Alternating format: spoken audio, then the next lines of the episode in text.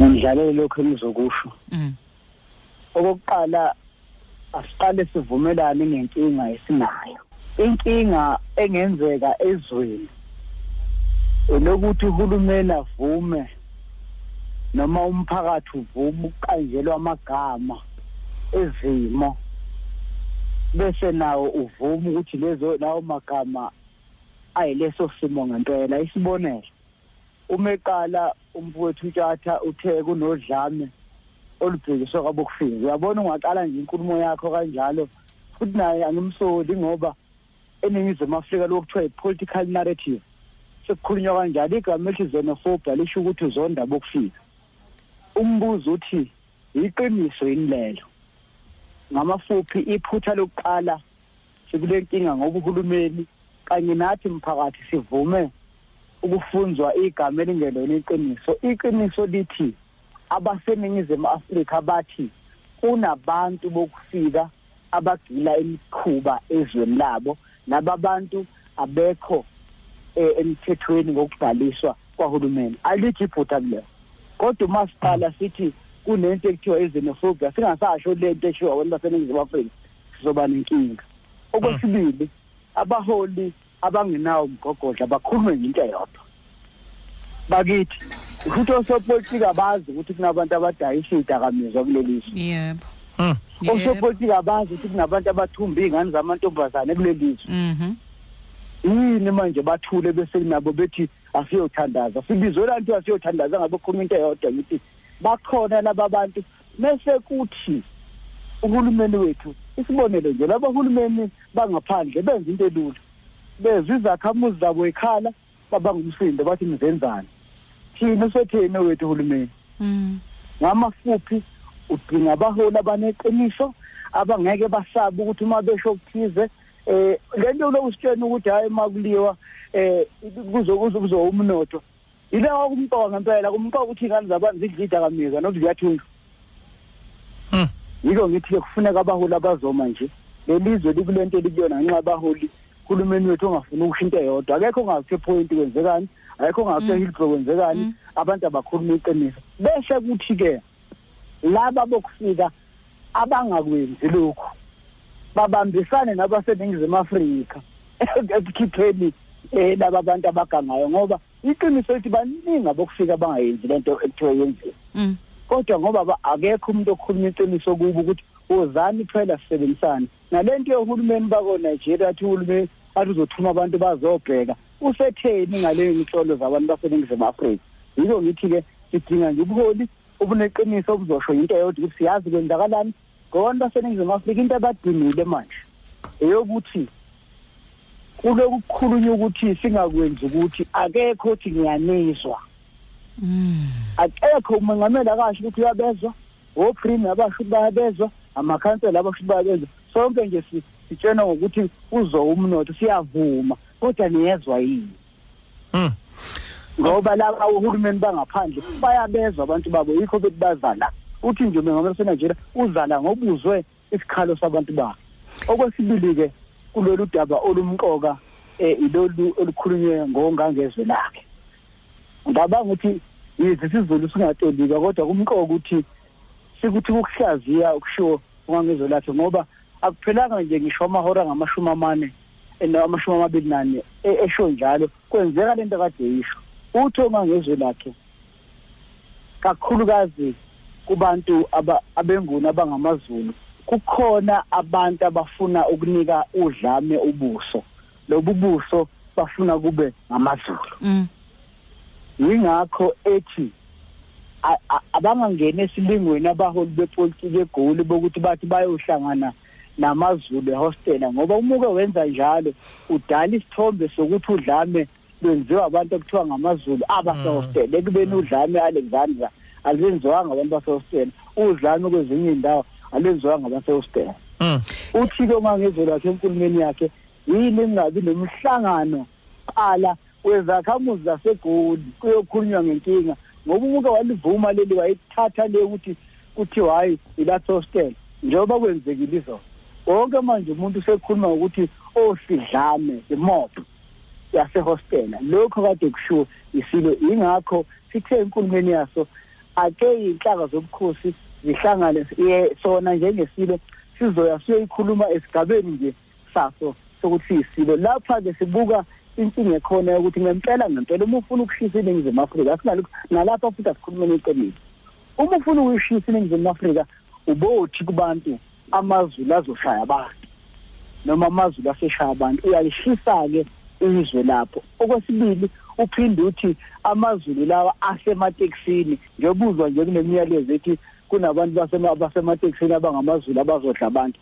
Uma ufuna ukukhatha izwe ke ubokwenza njalo. Yikho ngithi nohulumeni wethu nakhona lapha inhloli abeyikhuluma iqiniso ukuthi akekho yini umuntu ofuna ukusigovuza azikho yini izathu ezenza ukuthi sithi sakhuluma udaba lomhlaba bese kuvela udaba lokulwa ngoba ngeke sayixoxa leyo mhlaba ofuna ukuthi siyixoxa manje. Sizokhuluma le ndaba ukuthi eh kujahwa abantu. Yiko ngithi isile enkulumeni yaso siyiphosile intambo ukube benguhulumeni waseGoli bengizonqaka namhlanje oyobe uhulumeni waKwaZulu Natal nohulumeni waseNingizimu Afrika bengizothi silo sihole kulolu daba. Yingakho nje abanye bethu besho bethi hayi sihole silo kulolu daba ngoba iqiniso lithi osopolitiki ngeke basakwazi ukukhuluma sebeyekelele kakhulu.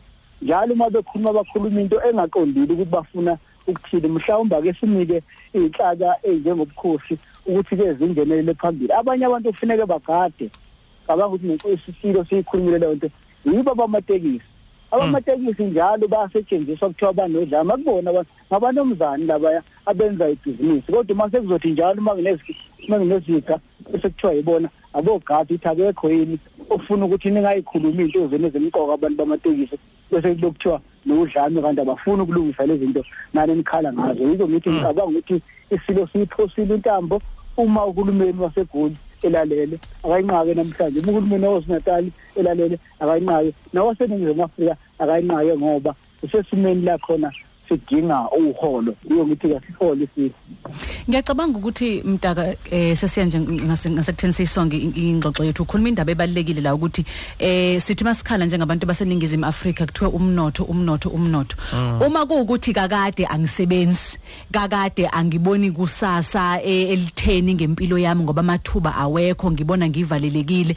A- i- i- kuncane ngingakuzwa mawuzongitshena ukuthi angiyeke ukwenza ukuthi ngenxa yokuthi kuzolimaza umnotho ngoba mina ngiwuboni kwayilo umnotho okhuluma ngawo ngoba mina kwami konke nje ngiyazipatanisela akuhlangani kade ngangifaka ama CV kade ngangithini ngangithini ngangithini. Ngicabanga ukuthi leli vangeli lomnotho lizohamba lihambe liphelelwe isindo isisu nje silambile asazi umthetho dadewethu. Kuloko kwathi inhlo isisu uyetshena isiso silambile ukuthi kunomthetho section 5467 silambile manje. Yiko ngithi ake bayiyeke leyo nkulumo siyayazi vese kodwa yasidinga ilula lento ayidingi bakithi mthandazo singaze sibizwe maholo kuthiwa siyothandaza into engekho se ayidingi nambuzi lenkulumo esikhuluma ngayo idinga nje ubuholi ozothi bantu base South Africa sizwile ngithe kwenzekani epoint oh sesobeka iveni kusasa sesobeka ipolice station kusasa. Kwenzekalani hipho siyabasa siyakhuluma ke okunye ngoba inkinga yabantu baseningizimu Afrika kabahlali. A- akekho umuntu othi uyabezwa. Abase Nigeria bakhale kanye wathi umengameli wabo uza uyeza nje ngenyanga ukuphela kwenyanga uza lapha abasezambia bakhale kanye. Eh uhulumeni wabo wakhuluma wathi bashawelana akasekho ubuza ukuthi benzeni Yeah. thina ke lo wethu uyosholini ukuthi yebo siyeza. Yazi igama elilodwa umengameli uma ungilalela uma bekulalela ake uze ku TV ujwayele ukusikhuluma nathi ku TV vese awuze ku TV ke uthi yezwa Mm. futhi nje uyezwa. Ngoba badinwa abantu ukuthi awufuni ukuthi uyezwe. Nawe primi ake uze emsakazweni nalo ukhozi likhona. Uthi nje uyezwa. Bayakhala awu- awa bakithi akekho usopolitiki ongazi ukuthi kwenzekani. Ephoyini akekho ukuthi ongazi kwenzekani Yeah. ehili bathuleleni yini bangalikhuluma iqiniso Nangomunye umlaleli lapha womtaka ukhale ngokuthi kodwa ke kuyafana ngoba inkinga nawo amaphoyisa ayabasi kahle abantu abasidayisa idakamizwa inkinga ukuthi amanye awo eh ayakhokhelwa imali ekuthenini eh bangaboshwa laba bantu. Uyaboshwa namhlanje uyaphuma kusasa eh usekhokhoile seliphelile icala njalo. Eh, kuthiwa iyona inkinga ekhona ke leyo. Angithi uma kunjalo kufuneka uhulumeni asukuma athi kukhona lokho noma kukho ngoba ngizama ukuthi eh, mfowethu i- i- abantu baseningizimu Afrika abaqali ukisho lento uthi nathi siyayazi siyayi- siyayikhuluma lapha ematshwaleni lezinto sikhuluma nje sicha sibiza abantu ngamagama ukuthi sigilwa ngobani kodwa ukuthi mase bekwaqhamuka nje umbhobho we-TV no-radio bese sikhuluma nje ezinkulu yabona into yokuthi kuthiwa eh athi bathi abaholi bamaqembu aphikisayo kanye nelibusayo athi nje siya siya bakhuluma ngesingisi ke bathi siya understand u-understandani asikhulumeni into njengoba injalo. Siyanizwa. Abantu baseningizimu afrika bafuna umholi noma ngabe umuntu ozothi nje siyezwa yiko ngithi isilo sisinike ithuba siphosa intambo ngoba ngeshwa. Osopolitiki ngabasakholakala uma bekhuluma udaba ngoba baliyekelele kakhulu. Sekudingeka umholi esigabeni sesilo ozothi manje iyathi kuvunywe ukuthi khona inkinga ngoba nabo labo kufika abalikhulumi iqiniso. Labo kuthiwa ke bahleli lapha ngokusemthethweni. Bona bazosilekelela kanjani ukuba nguliva eliyile igebengu evela emazweni abo? Ngoba nabo phela kufanele batshengise ukuthi sebehleli la ekhaya bahleli abananca nathi bafuna ukusilungisisa ngoba bancane abantu abagila imkhuba baningi abangayigili kodwa basho litho nabo. Nohulumeni wasethiwa waseNigeria kufuneka atshene lo ngomuntu waseNigeria ngoba akufuneka zesihlinele kufuneka athi meqala nje khuluma nomengameli wethu angakhulumi ngazi ukuthi sishaya bokufika. Akathi qala inkingi kephi ayivuma ukuthi zikhona izakhamizi zasezweni lakhe eyigila imkhuba sonke kanye naye sisebenzele lo daba ngoba uma ezofika lapha avunyelwe ukufika ukuthi eh sekufika isigoma goma ke saseNigeria sizozi ukuthi sibahluphelana abantu bazi awu kuyochithe kumbili Mfana amajalimane siyabakhulu mntaka baba hlale kuyinto ozokhuluma nawe ngalesikhathi eh usikhanyisela nje ke indabeni eyithinta ke izimo zezwe. Siyabonga mfowethu. Siyabonga.